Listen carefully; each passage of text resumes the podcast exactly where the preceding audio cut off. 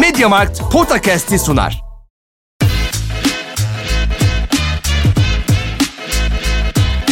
Potakast.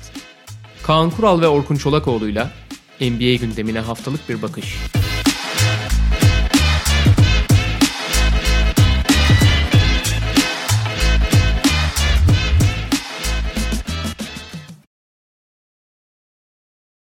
Merhaba, Mediamarkt'ın sunduğu podcast'te Kaan Kural'la birlikteyiz ve bu hafta biraz daha Batı Konferansı konuşacağız. Geçen hafta Doğu ağırlıklı olmuştu şampiyonluk adayları.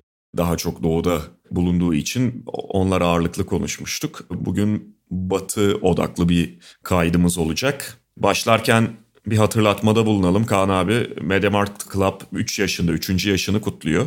Oo 3 yaşına gelmiş. Evet ve 3. yaşa özel olarak tüm üyelere 2500 TL'ye varan indirim söz konusu. Oo. Evet. Yani yeni bundan sonra üye olacaklar için de indirimler söz konusu. Öyle bir durum var. Valla benim üyeliğim var. Yani belli indirimler sürekli alıyorum. Yani üyeliğin herhangi bir şeyi de yok zaten. Götürüsü sadece getirisi var. Tavsiye ediyorum herkese. Bizim götürümüz genelde ev ahalisinden oluyor abi. Yani ürünün kendisinden Şey, değil senin de. üyeliğin olduğu bilgisi belli şeylere noktalara şöyle, ulaştığı an senden bir götürüsü olabilir. Abi üyeliğim olmasa da götürüyor zaten. En azından üyelik yardımcı oluyor. Aynen. götürüyor. şey. evet, bakalım bu bilgi bu bilgi nasıl kullanılacak? Peki şimdi Batı'da yani geçen haftaki konumuz dahilinde işte daha çok Doğu takımlarını konuşurken oradan başlayarak şampiyonluk adaylarını konuşurken Batı'dan da Phoenix'i ve Golden State'i işlemiştik. İşte mesela Denver'ın da ne kadar hani sürpriz şeyi olabileceğine de değinmiştik. Ama bugün istersen hani Phoenix'i ve Golden State'i bir kenara koyarak Memphis'ten itibaren diğer takımları biraz daha detaylı konuşabiliriz. Tabii şu soru akla gelebilir yani neden Memphis ikinci sıradayken Golden State ayrılıyor diye. Ama yani takip edenler zaten biliyor ki Golden State'in düşüşü ciddi ölçüde de Draymond Green'in iki aya yakın süredir iki aydır olmamasıyla bağlantılı bir düşüş. Ha tamam Memphis'in de önemli bir çıkışı var bu süre içerisinde ama şampiyonluk adayı olarak biz Phoenix ve Golden State'i biraz daha diğerlerinden ayırmıştık. Aday olarak bunu bunun altını çizelim yani favori olarak değil adaylardan biri olarak. Memphis'i o sınıfın biraz dışında gördüğümüz için neden olduğunu da neden o sınıfın dışında olduğunu da izah ederek onları bu bölümde konuşabiliriz mesela. Aynen öyle. Ya Memphis tabii bu sezonun en heyecan veren takımlarından biri. Belki de birincisi. Yani sadece Batı'nın değil tüm NBA'in ikinci sırasına tırmandılar. Ki yani sezon öncesi beklentilerin yani zaten sezonun en büyük üç sürprizi herhalde Chicago, Cleveland ve Memphis. Ama yani beklentilerin en yukarısına çıkan yani ve en üst seviyeye çıkan takım kesinlikle Memphis. Fakat şöyle bir şey var. Şimdi abi playoff ve playoff eşleşmesi çok farklı bir şey. Ve Memphis'in şu ana kadarki başarısının altında yatan bir sürü teknik sebep var. İşte Jamorant'ın bir süper yıldıza dönüşmesi ve onun deliciliğinin yarattığı inanılmaz etki. İşte onun Steven Adams'la olan şeyi ne derler iletişim İkili oyun kimyası diyebiliriz. İki, ikili oyun kimyası yani Steven Adams'ın belki bir tehdit olmasa bile arka arkaya yaptığı perdeler çok güzel Jamorant'ın istediği koridorları açabilmesi. Mesela Steven Adams ikili oyun için çok uygun bir top alıcı değil. Yani ikili oyunda topu verip bitirmesini pek isteyemezsin. Ama zaten mesele onun bitirmesinden çok o kanalı açıp Yani açamaması. sen perdeyi yap, Yeni- yap yeter abi diyor zaten Morant. Ve iki perde yapıyor zaten. Yani önce garda perde yapıp sonra kendi kendisini tutan uzuna da perde yapıyor.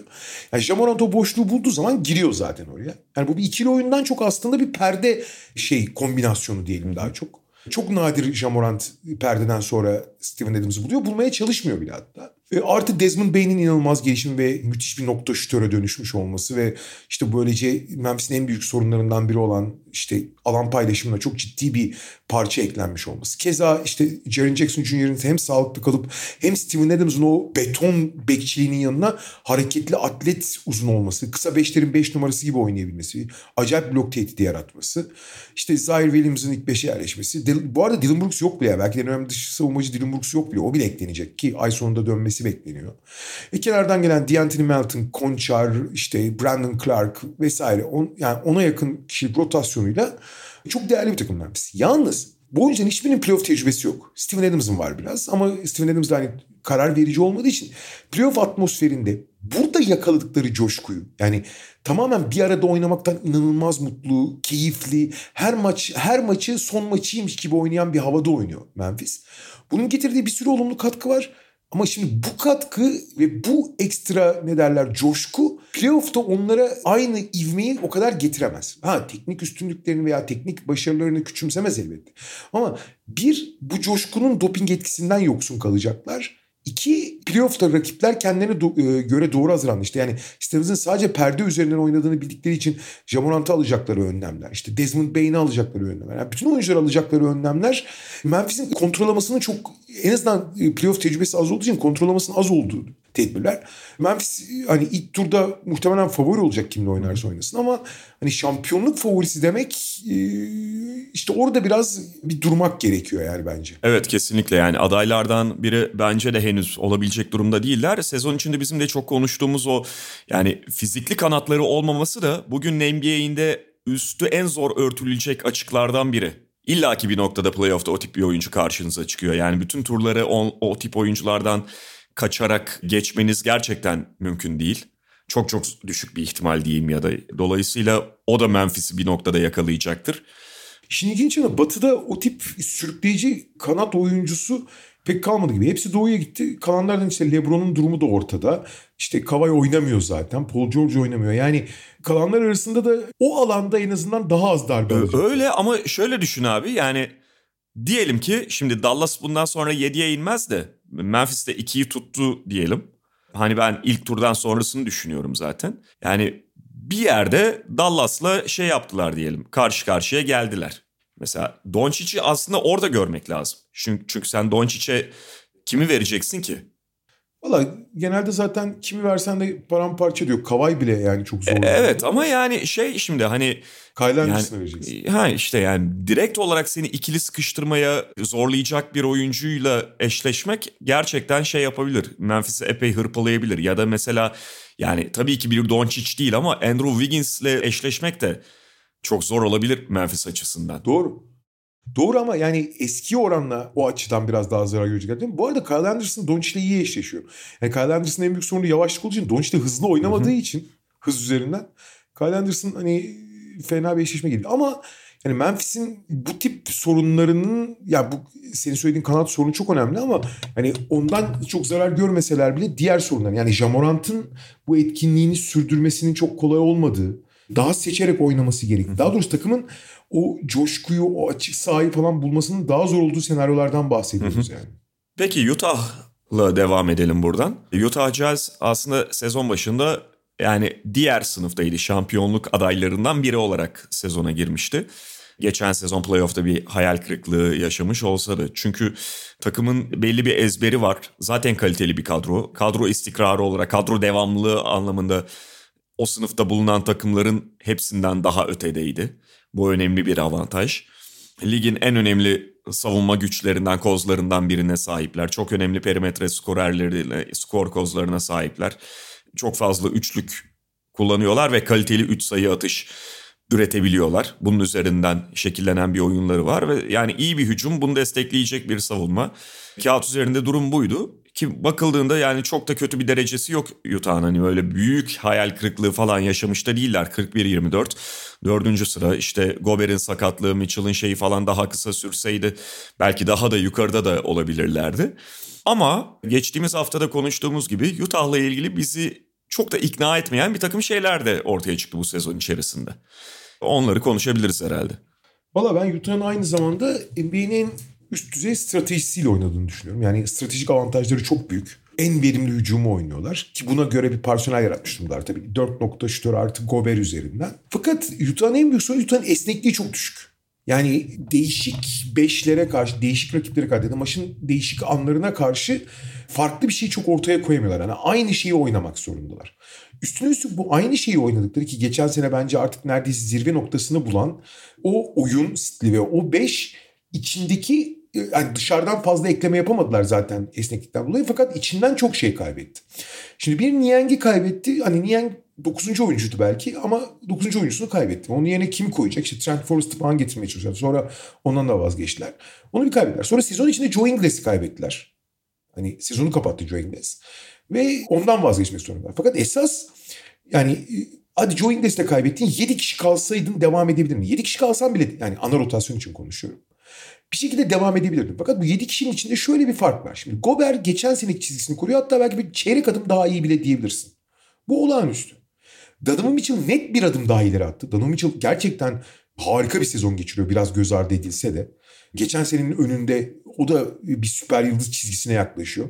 Onların biliyorsun kaderleri hep Devin Booker'la birlikte çiziliyor yani beraber girdikleri için falan lige. Devin Booker bu sezon ileri adım attı ve çok övülüyor. Donovan Mitchell da attı ama tabii Phoenix gibi kadar başarılı olamadığı için göz ardı ediliyor. Fakat şöyle bir şey var.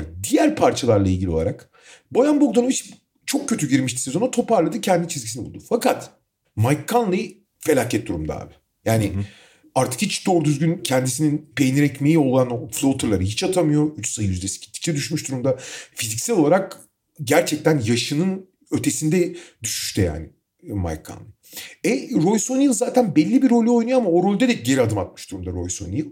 Ve geçen sene ya bu sene geçen sene takımın en önemli bu formülde yani oynadıkları oyunda şöyle bir şey var. Takım hani çok yüksek bir yüksek ve verimli bir pas trafiğiyle şütörlerden birini buluyor.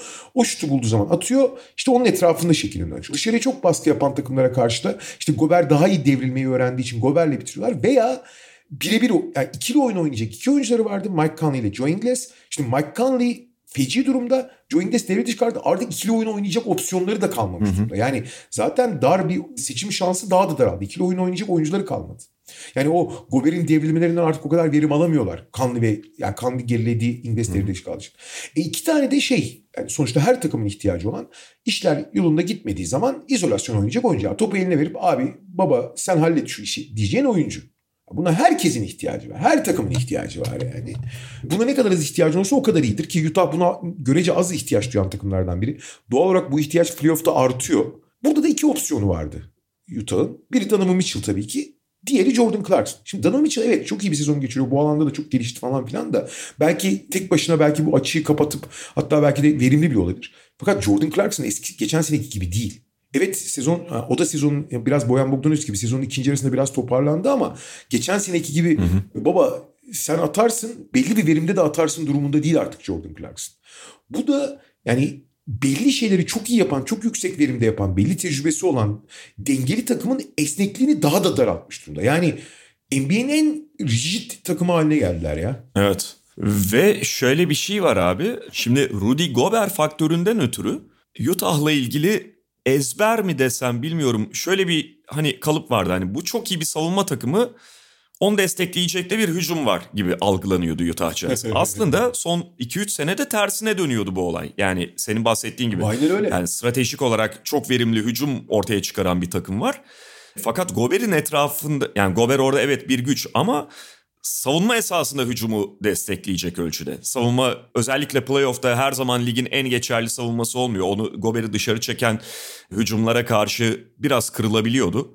Altın çizeyim Gober kırılmıyor abi. Savunma Utah'ın şemasının dışına çıkıyordu ve istediklerinden çünkü, biraz dışarı çıkıyordu. Çünkü yani iki tane o kadar ufak guardla oynarsın. Hele ki Mankanlı bu kadar gerilemişken ya hiçbir şey yani bir yere Evet kadar. evet. Yani. Şimdi çünkü bazen bu konu yanlış bence ifade ediliyor ya da yanlış anlama oluyor. Yani Rudy Gobert'in bir beceremediği bir şeyden ötürü Utah orada değiniliyor gibi. Rudy Gobert'in dışına dışarı çekilmesi Utah'ın savunmasını alt üst ediyor. Yoksa Rudy Gobert'in switch'e alınıp oradan tokatlanmasıyla ilgili bir durum değil bu. Aslında savunma hücumu destekleyen bir şeydi. Sen şimdi hücumdaki bozulmadan ya da o verimin düşüşünden bahsettin.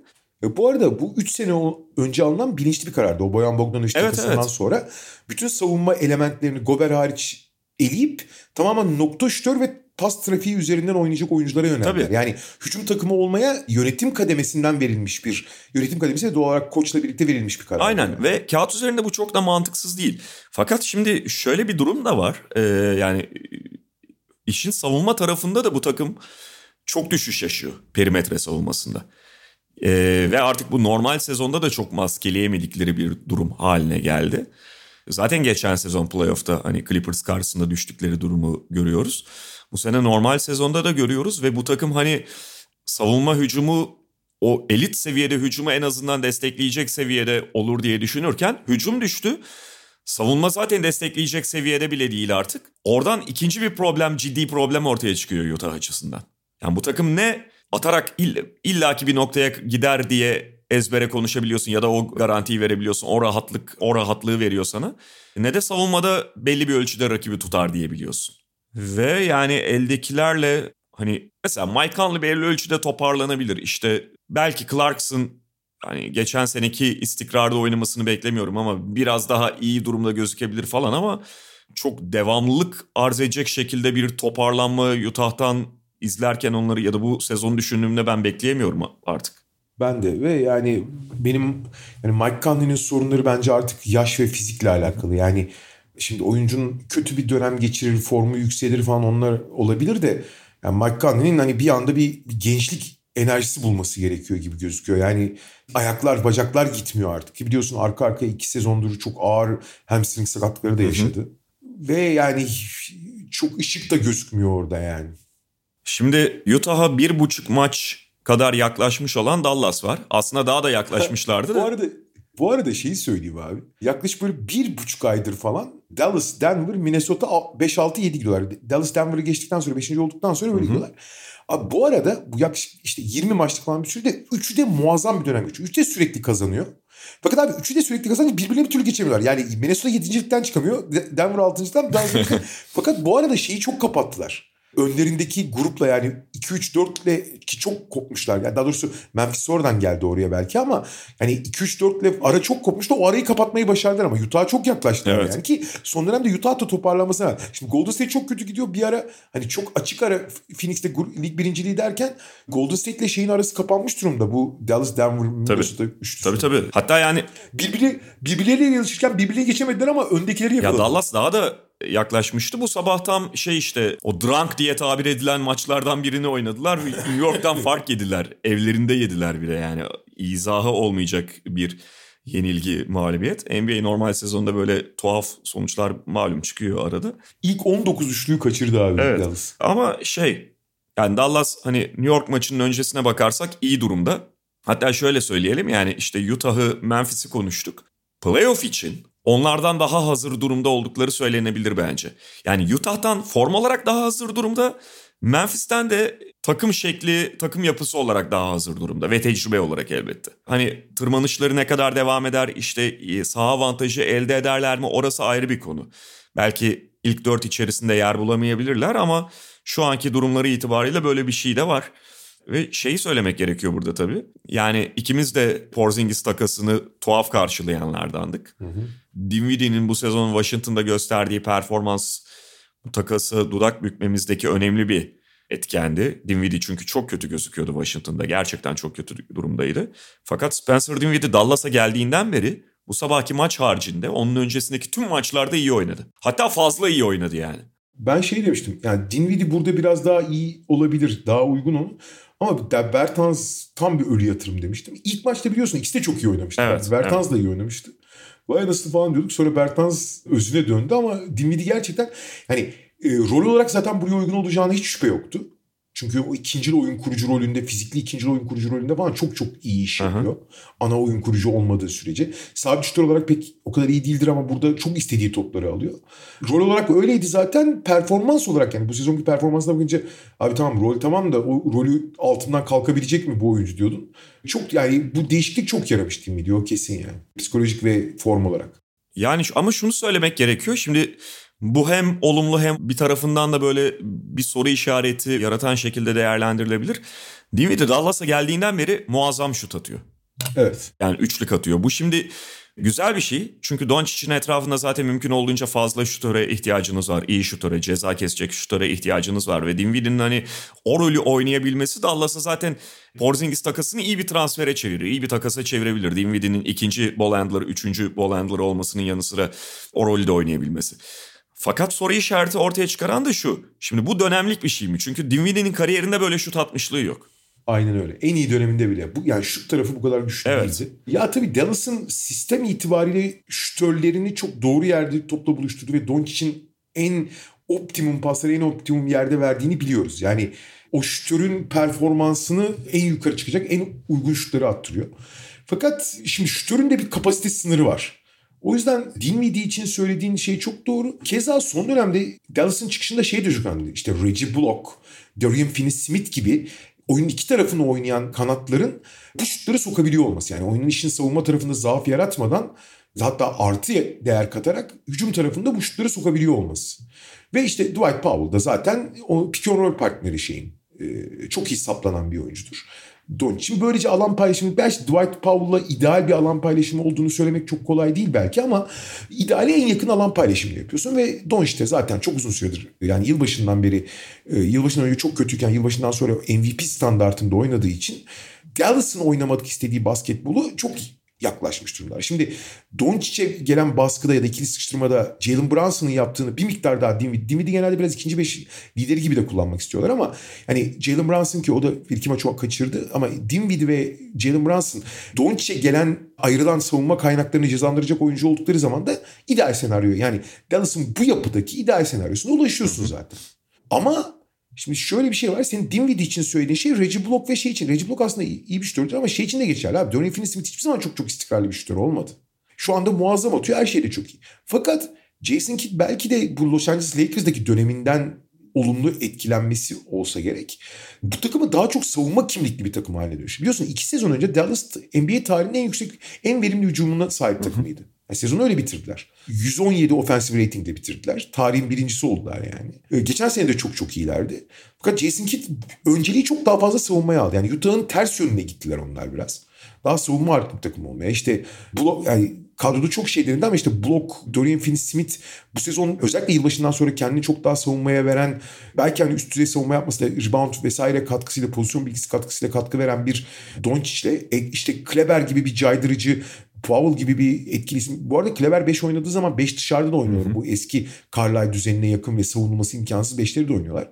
Ben hani ilk 5 için konuşayım. Böylece bir ara hani ya bu takım nasıl savunma ilk 5'inde olur? Hani çok kolay değil diyorduk. Yani en iyi 5 savunmadan biri. Hani onu belki ilk 5'te olmasa da ilk 10'da tutabilecek bir istikrarı, bir dengeyi ve bir savunma yapısını kurmuş durumdalar. Ve Dediğim gibi Utah ne yapmıştı abi? Abi bizde Gober var. Bütün diğer savunmacılar at gitsin. Gober tek başına yapabildiği kadar savunma yapalım. Onun etrafını süsleyelim. Onun, ona kanalize eden savunmalar dizayn edelim. Nokta şütörlerim sonra hücumcu takımına dönüşelim. Dallas'ta belki o kadar derin bir personel değişimi yaşamamış olsa da Kid'in prensipleri gereği abi Doncic zaten hücumu tek başına çözüyor. İşte ona baskı gelirse de onun yardımcı olacak birini bulduğumuz zaman hücum bir şekilde hallederiz. Şutör, yani bomboş şutları atarız. Savunmaya artık daha ağırlık veren bir e, daha doğrusu e, şey yapan oda alan savunma ağırlıklı oyuncuların öne çıktığı bir beş kuralım diye. Şu ana kadar da gayet iyi çıkarmış durumdalar o konuda.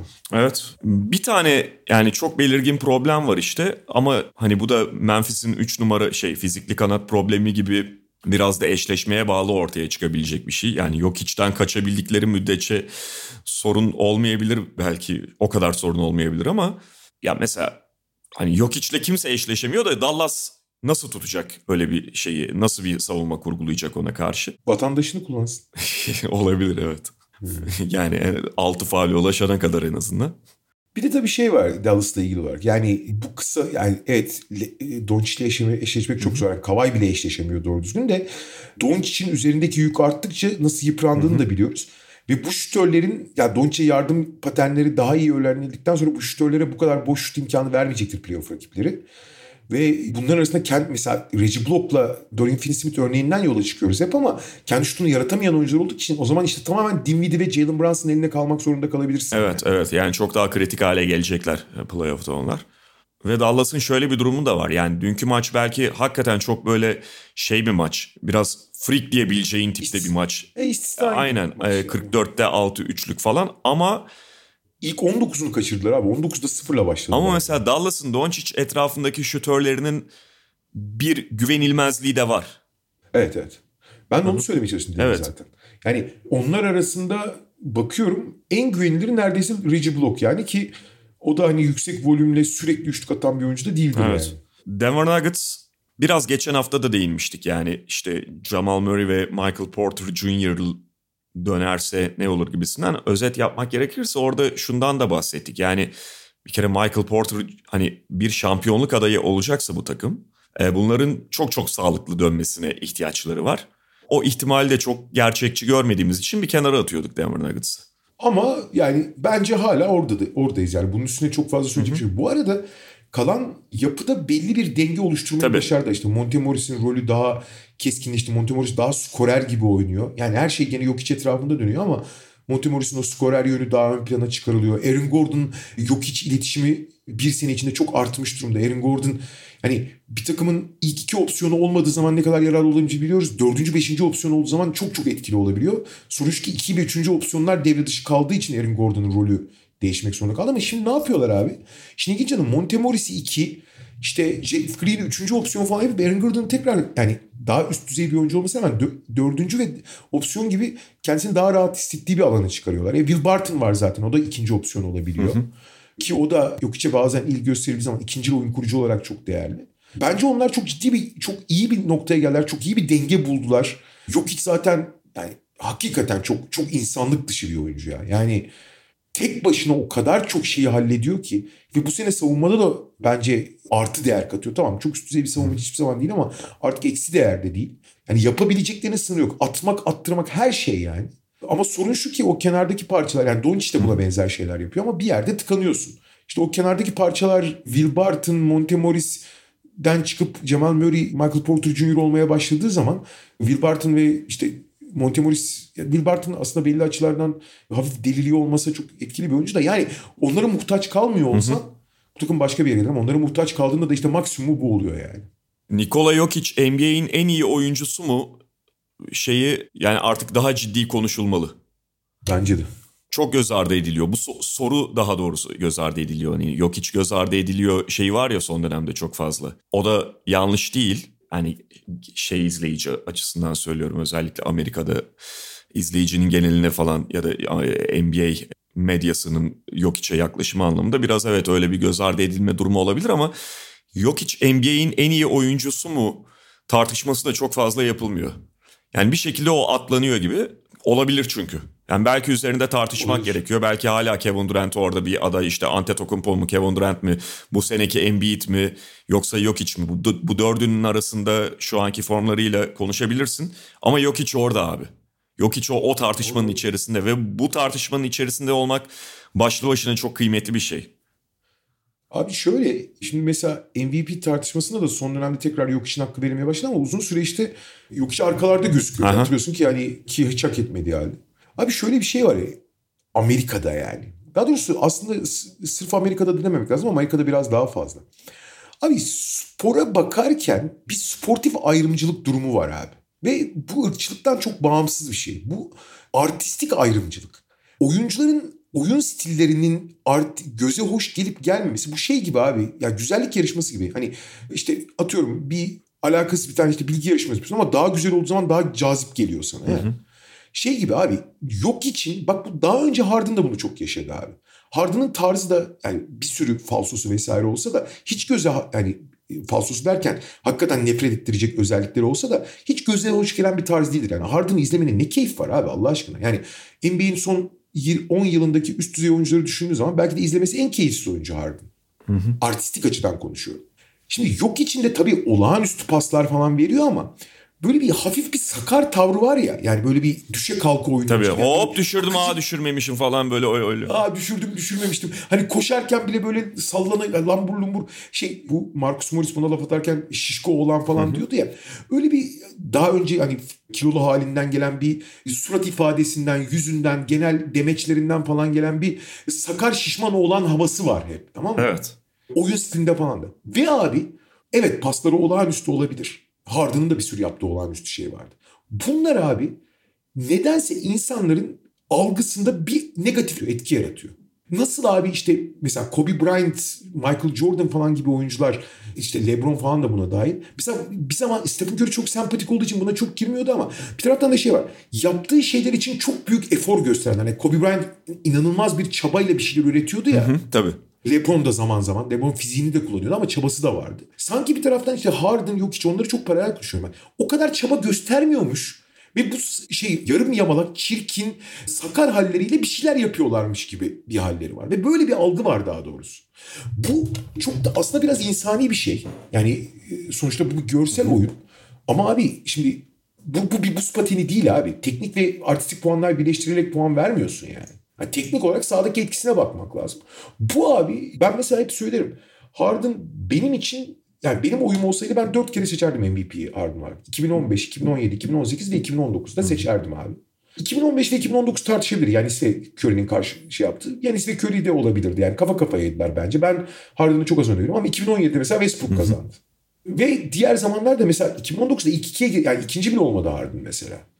E yok abi yok hiç geçen eğer geçen senenin son bölümünde şey olmasaydı Embiid bu kadar maç kaçırmasa ve devre dışı kalmasaydı herkes Embiid diyordu mesela. Hı hı. Anlatabiliyor muyum? Bunun gibi bir durum hep hep var yok ile ilgili olarak. Öyle ve yani Amerika'daki bu son dönem NBA yayıncılığının da bunda e, ciddi katkısı var. Var var. Ya da yok için önüne koyduğu bir engel var. Şimdi mesela şey bize de hep neden şu takımların maçlarını veriyorsunuz şeklinde bir şey geliyor ya.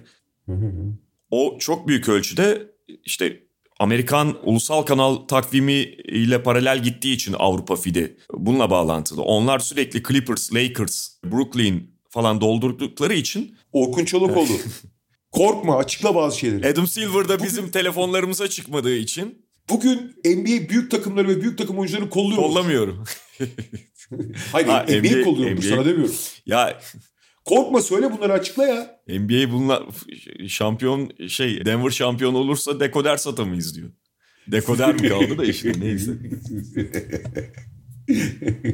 Bu lig dizayn edildi diyebiliriz. Aynen. Ve yani hani çok böyle belli takımlara sıkışan, bence gereksizce sıkışan. Bence de. Bir yayıncılık politikası var şu anda ESPN'in, TNT'nin belli açılardan hani kendi içinde de demode olan. Birçok insan da şikayetçi zaten ama sonuçta bunların borusu ötüyor. Ve biraz yok için arkada kalmasını ve göz ardı edilmesine bunun da katkısı oluyor maalesef.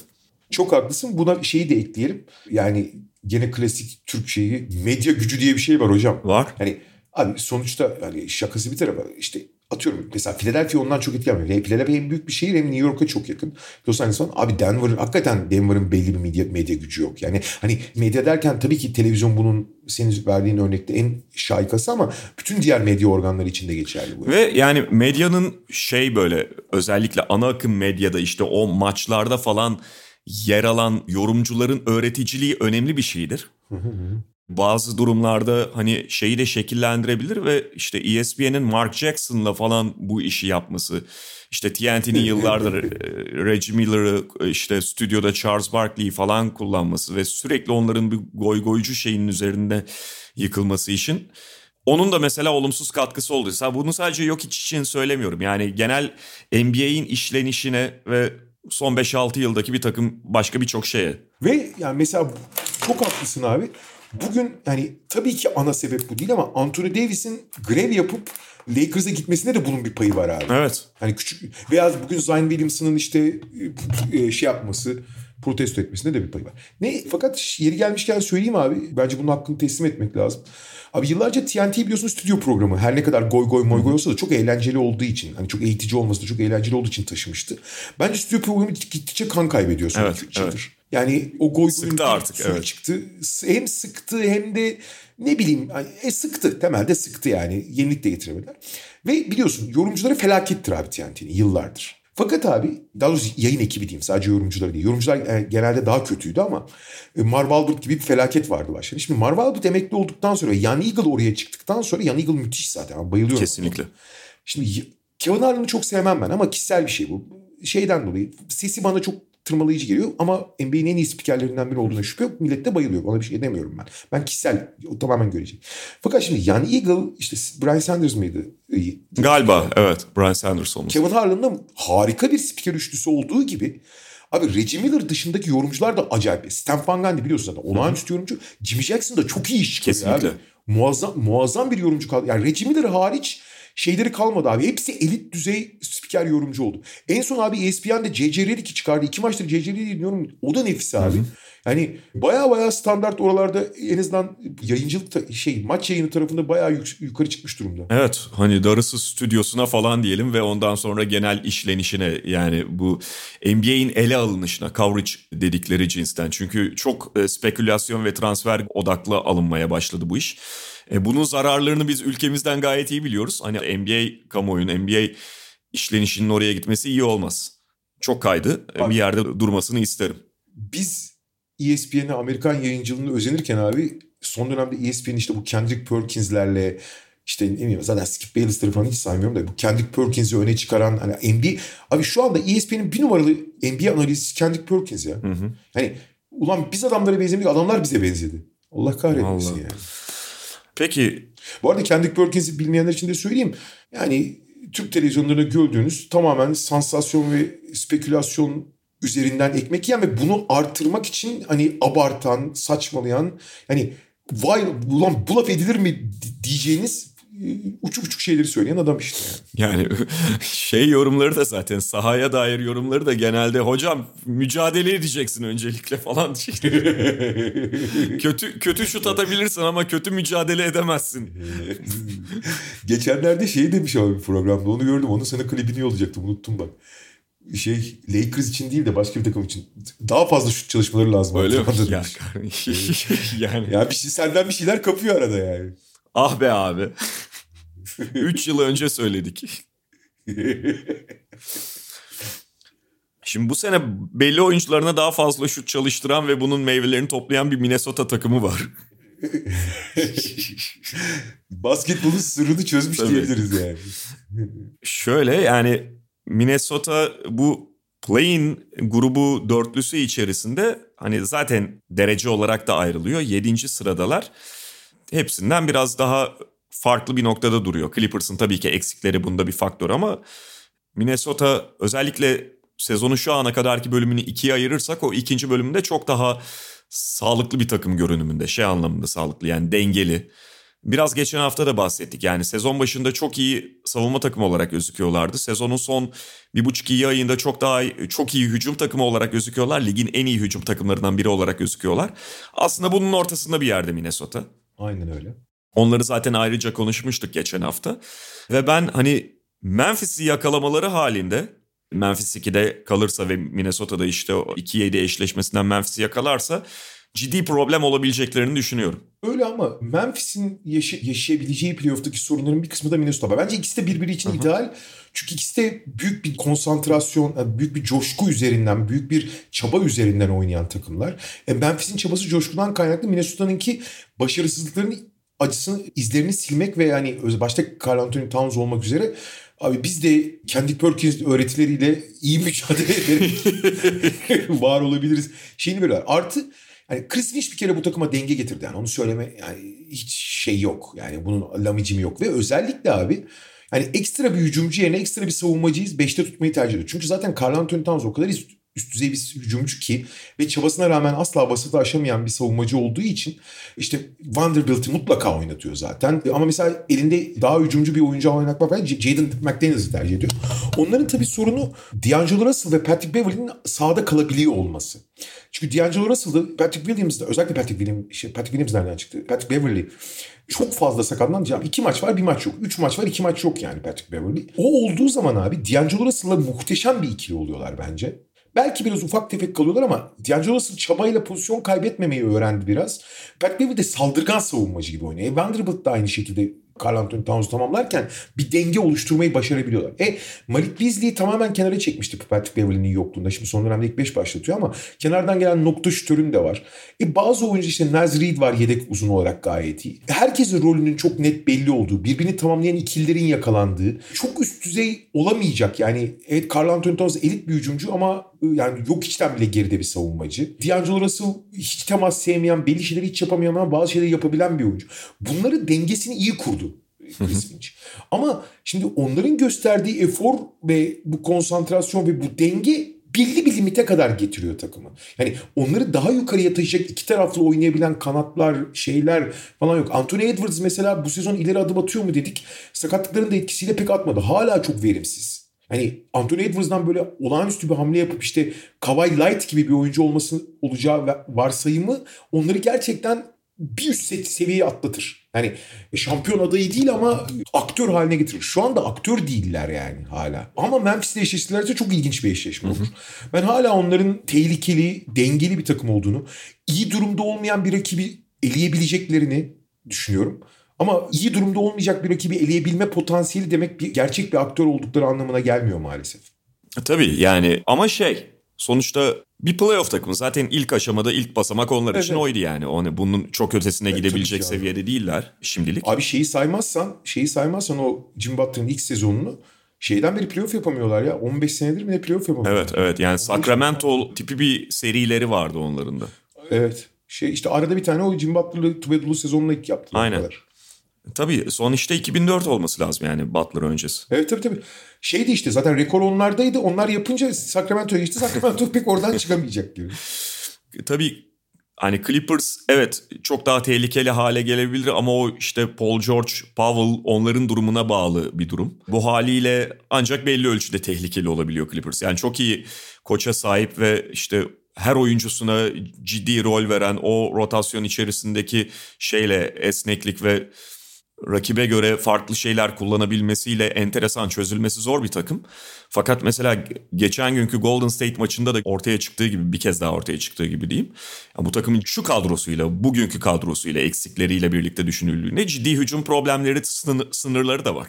Abi çok basit bir şey söyleyeceğim. Reggie Jackson üretmediği zaman hiçbir şey üretmiyor. Evet. Ha, Marcus Morris'in birebirini oynuyorlar. Yani ki Ve sen Reggie Jackson'dan sürekli 30 falan bekleyemezsin. abi illa 30 atmasa da bir şey üretmesini bekliyorsun ama abi tamam yılbaşından sonra bir derece daha iyi ama bazen yine yılbaşından önce zaten korkunçtu yani. Hani kadro dışı kalacak kadar korkunçtu. Yılbaşından sonra biraz daha iyi ama abi zaten yani Jackson iyi gününde seni kurtarıcın olabiliyor. Ama düzenli bir şekilde yani işte 36-37 dakikalar üret, ana üretici parça olmasını beklemek Reggie Jackson'a da haksızlık be abi. Evet. Vallahi Reggie Jackson'a da haksızlık. Ama tabii bu takım böyle kurgulanmamıştı.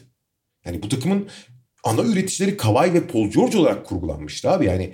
Ve şeyi görüyorsun yani şimdi Kawhi ve Paul George'un en önemli iki oyuncu dışında en önemli yani sistemin üzerine kurulduğu iki oyuncuyu kaybetmesine rağmen hala say yani %50'nin üzerinde olması bir kere muazzam bir koçluk başarısı. Aynı zamanda üst üretim şey şey başarısı, genel menajerlik başarısı abi.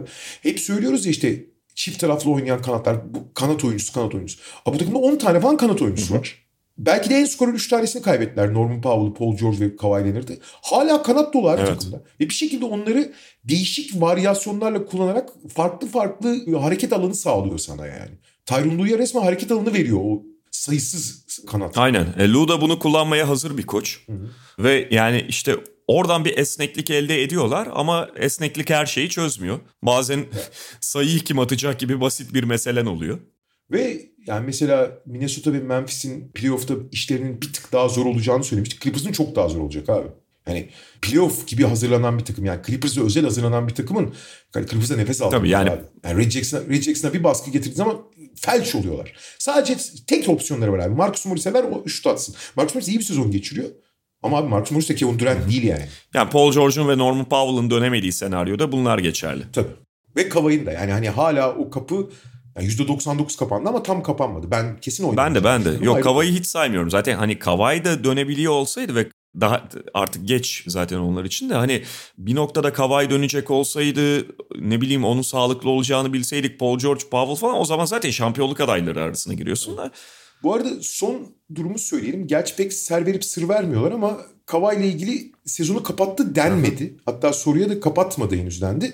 Ama gelen bütün işaretler Kavai'nin oynamayacağı Evet. yönünde. Norman Powell'ın da sezonu yani playoff oynama ihtimali çok düşük. Yani hani oynamayacak gibi. İşin ilginç yanı Paul George'un ay sonuna doğru dönme ihtimali diktikçe artıyor. Dönecek yani dönecek de işte antrenmana çıktı, kolunu iyi hissediyor falan gibi bir sürü haber gelmeye başladı. Paul George dönebilir. Ya Lakers'la ilgili bence gerçekten çok konuşulacak bir şey yok. Bence de bence de bence de. Ben bir tek şey söyleyeyim mi? Dün seyrettin mi? Houston Yok abi seyretmedim. Ben artık çok az gerçi seyrediyorum seyret- yani bu. Ya seyredecek pek bir şey yok zaten de. Lakers'ın psikolojisi de çok dağılmış O- abi. o yüzden. Yani şey. Aha. Ben o yüzden artık çok az Şey- maçların e, Lakers maçı seyrediyorum. Yani çünkü taraflardan birinin kopmuş olduğunu görmek beni çok rahatsız ediyor. Başka bir maçı izlerim onu izleyeceğime diyorum. Yani bazen maç içindeki ya maç içinde de kıvılcımlar olur ya ateş yakan işte acayip bir blok olur, smaç olur, bir itiş kakış Aha. olur. Ya arka arka üç, üçlük sokulur falan bir, bir heyecan gelir ya.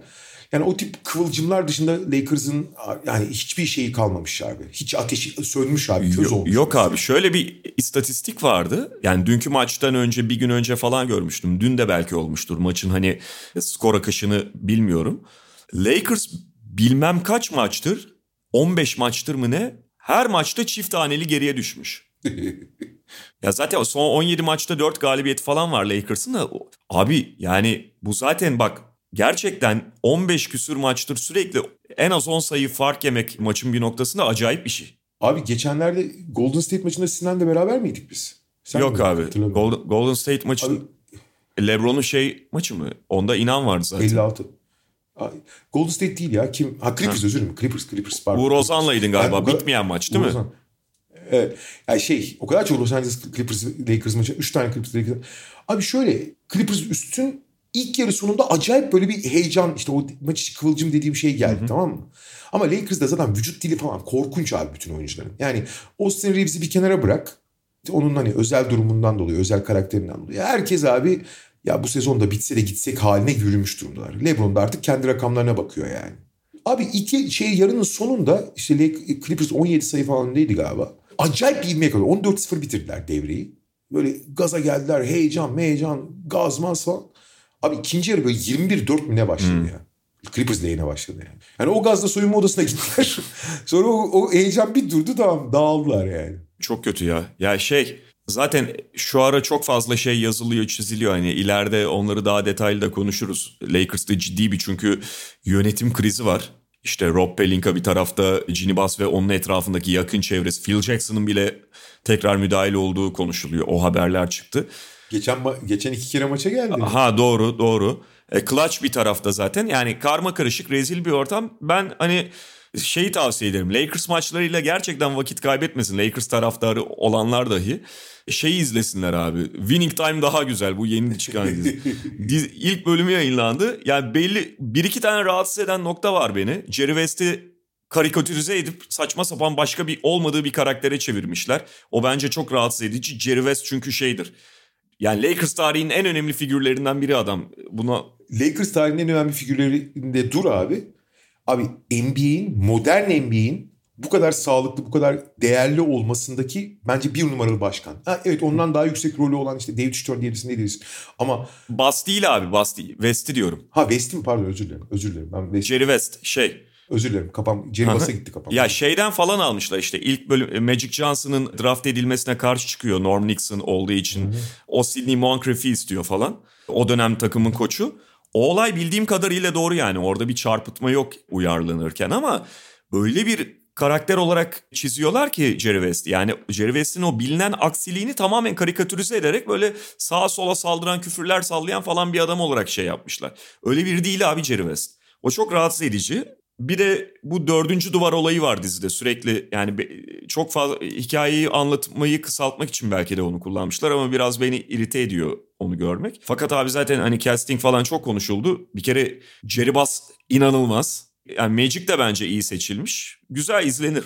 İzlenir izlenir. Lakers'dan daha çok izlenir. Buradan da hani sen tabii seni efendi biri olarak bilmiyorum pek ama söylemek istemiyorsun. Ama burada alt mesajı da verdin. Kulüpten beni uzaklaştırırsanız işte bu Kurt Rambis'in karısına Rob Pelinka'lara kalırsınız demek istiyorsun galiba bir taraftan. Ee, öyle abi. yani abi o Linda Vallahi bak Linda Rambis, Kurt Rambis olayı başlı başına bir rezalet zaten şu anda. Vallahi bilmiyorum. Sen ayrıldığın zaman Santa Monica'da şampiyonluk turu atıyordu esnaf ama şimdi ya Orkun hocam gelse de bir el atsa falan diye şeyler duyuluyormuş kahvehanelerde şeylerde Santa Monica plajındaki barlarda falan öyle muhabbetler bizim, duyuluyormuş. Bizim şey kalbimiz kırıldı artık ya. Ama ben de alternatif Lakers tarihi dizisi çekeceğim böyle. Payitaht Abdülhamit falan gibi bir şey. Vallahi şöyle esnaflar odasının Malibu'dan güneye inmesine Orkan Çolakoğlu demecini veren adamı başkanlıktan da indirdiler. Ben kendi dizimi çekerim. Başrolü de veririm kendime ya da en azından. Peki New Orleans'la bitireceğiz. Çünkü onun aşağısı başka bir yere çıkıyor tünelin o ucu. Zaten onun aşağısında yukarı çıkmak isteyen tek takım Sacramento. Sacramento'yu çok konuştuk. Evet. İstek var da şey yok, e, kuvvet yok. İsteğinin bir yüzü dediğimiz onu geçelim. Abi New Orleans şimdi 3 maç üstte kaybettiler ve kötü gözüküyor. Ingram ama... sakatlandı. Ingram sakatlandı tabii. Ve bu arada hani yeri gelmiş olsun. Abi Ingram olağanüstü bir sezon evet. geçiriyor. Ve yani sezona yavaş girmişti, sakat girmişti. Sonra 20 maçta yani 10 maçta yarım yamalak oynadı. Sonra 10 maç oynamadı falan. Ondan beridir abi gerçek bir Kevin Durant klonuna, döndü. Üstüne üstlük daha iyi bir oyun kurucu olarak. Yani oyunun merkezine koydular. Şimdi oyunun merkezine koymak şöyle bir avantaj yaratıyor. Takımın en önemli sorunlarından biri Devontae Graham'ın işte kötü şut atıp aynı zamanda takımı iyi yönlendirememesi, yönlendirememesiydi ya. Devonta Graham'ı da devreden çıkarmayı başardılar. Yani böylece bir tane sorunlu halkadan da kurtuldular. Ana oyun kurucu gibi oynuyor abi adam. Hı hı. Ana top yönlendirici gibi işte Herb Jones, Jonas Valanciunas bu dengeye oturduktan sonra takır takır top oynayan bir takıma dönüştüler ya. Ana işte Brandon Ingram ana skorer ve ana yönlendiriciden çok ana yönlendirici. Biraz hani biraz daha LeBron'umsu bir role bürünüp CJ McCollum'un da gelmesiyle ana atıcıyı da bulduktan sonra çok daha dengeli bir hale geldiler. Devontae Graham'a çok ihtiyaç kalmadı top yönlendirmek için. Onu çıkardığın zaman savunma da belli bir seviyede en azından fizik anlamında belli bir seviyeye geldi. Bu arada hiçbir zaman iyi bir savunmacı olmamıştı. Ingram bu sezon artı savunmacı. İyi demiyorum. Ama ortalamanın üstünde bir savunmada yapıyor. Ingram bir kere net süper yıldız sınırına geldi bu sene ya. Net Hı-hı. yani. Fakat onu denklemden çektiği için 3 maçtır kaybediyor. Ama şimdi bu 3 maçı katmayalım. Ondan önceki 25 maçlık falan periyoda bakıyorum ki az bir 5-6 maçtan sonra 25 maçlık periyoda bakıyorum. Hani Ingram'ın bu role soyunduğu özellikle takastan sonra da iyice şey. Takastan önce de böyleydi bu arada. Josh Hart, Devonta Graham dengesini kurup Devonta Graham'ın işte savunma eksiklerini falan dengeleyebiliyorlardı. McCollum geldikten sonra iş kolaylaştı. Hı hı. Şeyden çünkü yani Graham'ı tamamen ikinci beşe yerleştirebildiler. Fakat dengeli, tehlikeli işte Valanciunas zaten bir skor opsiyonu. E, McCollum atıcı opsiyon. Brandon Ingram her şeyin merkezinde. Herb Jones olağanüstü bir çaylak sezonu geçiriyor zaten. Hani işin daha çok savunma tarafında ağırlıklı olsa da oldukça tehlikeli ve açıkçası yani Lakers'da falan çok kıyaslamıyorum da Clippers'dan da çok daha iyi gözüken bir takım şu anda yani. Öyle ama işte kadro çok dar abi hala. Yani e, ha, şimdi Zion yok zaten hani onu artık konuşmuyoruz bile de. Mesela Brandon Ingram bir çıktı abi. CJ McCollum'la Valanciunas dışında bu takımda kim sayı atacak? Ciddi bir soru. Hani kenardan gelen bir de Devonte Graham var. İlk beşi de Tony Snell'le falan doldurmak zorunda kalıyorsun. Yani zaten hani Valanciunas, Jackson Hayes oynuyorlar bir süredir. Çok ideal bir ikili değil esasında. E bir de Tony Snell'i oraya evet. ilk beşe falan koyuyorsun. İyice derme çatma bir şeye dönüyor. Ya Jackson Hayes'i ilk beşe almanın belli avantajları oldu işte. Yani Valanciunas çok sağlam sert. Jackson Hayes de evet. hareketli uzun gibi. Ama abi o başka problemler yarattı. Yani onu Ingram ve McCollum'un acayip atıcılığıyla çözmeye çalıştılar.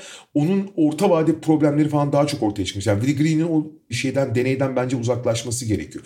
Biraz belki Zion'ın dönüşüne hazırlanıyor olabilirler. Çünkü Zion döndüğü zaman da benzer bir alan paylaşımı olacak falan diye ama Jackson Hayes bu arada özellikle ilk, ilk beşe yerleştikten sonra iyi oynuyordu da yan etkileri çok olumlu olmadı New Orleans için. Yani çünkü işte diyoruz ya Valanciunas hareketsiz uzun, Jackson Hayes hareket biraz Yanis'in rolünü oynuyor gibi Milwaukee'deki. Yani daha devriye yapan, her yere karışan, o muazzam uzun ve çabuk olduğu için çok şeyi bozan savunmada, hücumda çabuk gidip çok etkili açık saha oyunları da bulmaya başlıyor falan. E, şey olduğu zaman abi doğal olarak acayip bir yapıya bürünüyorsun. CJ McCollum, Herb Jones, Brandon Ingram, Jackson Hayes, Valanciunas olduğun zaman abi CJ McCollum kısa geri kalan hepsi şey 2-7, 2-8, 2-10, 2-12 yani. Hani çok büyük kalıyorsun sahada. Bir zamanlar işte Lakers taktiği yani o. Yani çok büyük kalmanın büyük avantajları var abi savunma anlamında. Ama dediğim gibi Jackson Hayes'in alan paylaşımında yarattığı problemler de orta vadede başka sorunlara yol açıyordu yani. Ama ama tabii orada yani Zion belirsizliği hala bir gölge olarak duruyor bir taraftan da. Ve şu var abi yani işte dediğin gibi yani şu anda daha iyi durumdalar önlerindeki bazı takımlar ama mesela play-in senaryosunda şu anda yani şu Lakers'ı zaten direkt tokatlarlar. Hani Lakers acayip bir şekilde hayata dönmezse tabii Davis'in dönüşü falan ne kadar onları etkiler bilmiyorum da şu Lakers üzerinden konuşursak ondan sonra da hani Minnesota'nın muhtemelen ikinci maça iteceği şey Clippers'ı da Paul George'la Powell'ın dönemediği bir senaryoda geçer New Orleans. Bence de. Yani tabii bir ay kala konuşuyoruz bunu yaklaşık e, ve bir ay sonrasını kestirmek belki çok mümkün değil. Kim dönecek, kim ne halde olacak bilmiyoruz hem Lakers hem Clippers için ama bugünden konuşursak kağıt üzerinde daha iyi gözüküyor New Orleans. Valla Lakers'dan daha iyi gözüm, gözükmek çok zor değil evet, evet. da New Orleans gerçekten iyi gözüküyor. Yani Lakers'la kıyasladığımız evet. için değil. Peki böylelikle bitirelim o zaman. Bitirelim abicim. Alttaki takımlara kolaylıklar diliyoruz. Sacramento'nun hala bir çabası var. Portland yani şey gibi buyurmaz mısınız yerime der gibi maç Sen şey kaybetmeye şey başladı. Abi, geçen, geçen gün bir istatistik vardı. 37 yıldır Sacramento'daymış Kings. Daha önce şeydeydi ya başka daha önce neredeydi? Philadelphia'daydı. Hı hı. Neyse. 37 yıldır Sacramento'daymış. Sacramento'da olduğu 37 yılın 29'unda abi kazandığından çok kaybetmiş. 8'inde başarılı olmuş. 8 kazandığı sezonun 8'inde de Rick Edelman'mış koç. diğer 29 sezonda kaç 21 farklı koç mu ne hepsi kaybetmiş abi. Ben yine de abi Sabonis takasından sonraki o iki maçlık seriyi kimse unutmasın diyorum. Yani unutulmaz o iki maçlık destansı seri. Minnesota ve Washington galibiyetleri. Peki bugünlük bu kadar diyoruz. Mediamarkt'ın sunduğu podcast'ten. Haftaya tekrar görüşmek üzere. Hoşçakalın. Hoşçakalın. Mediamarkt Podcast'i sundu.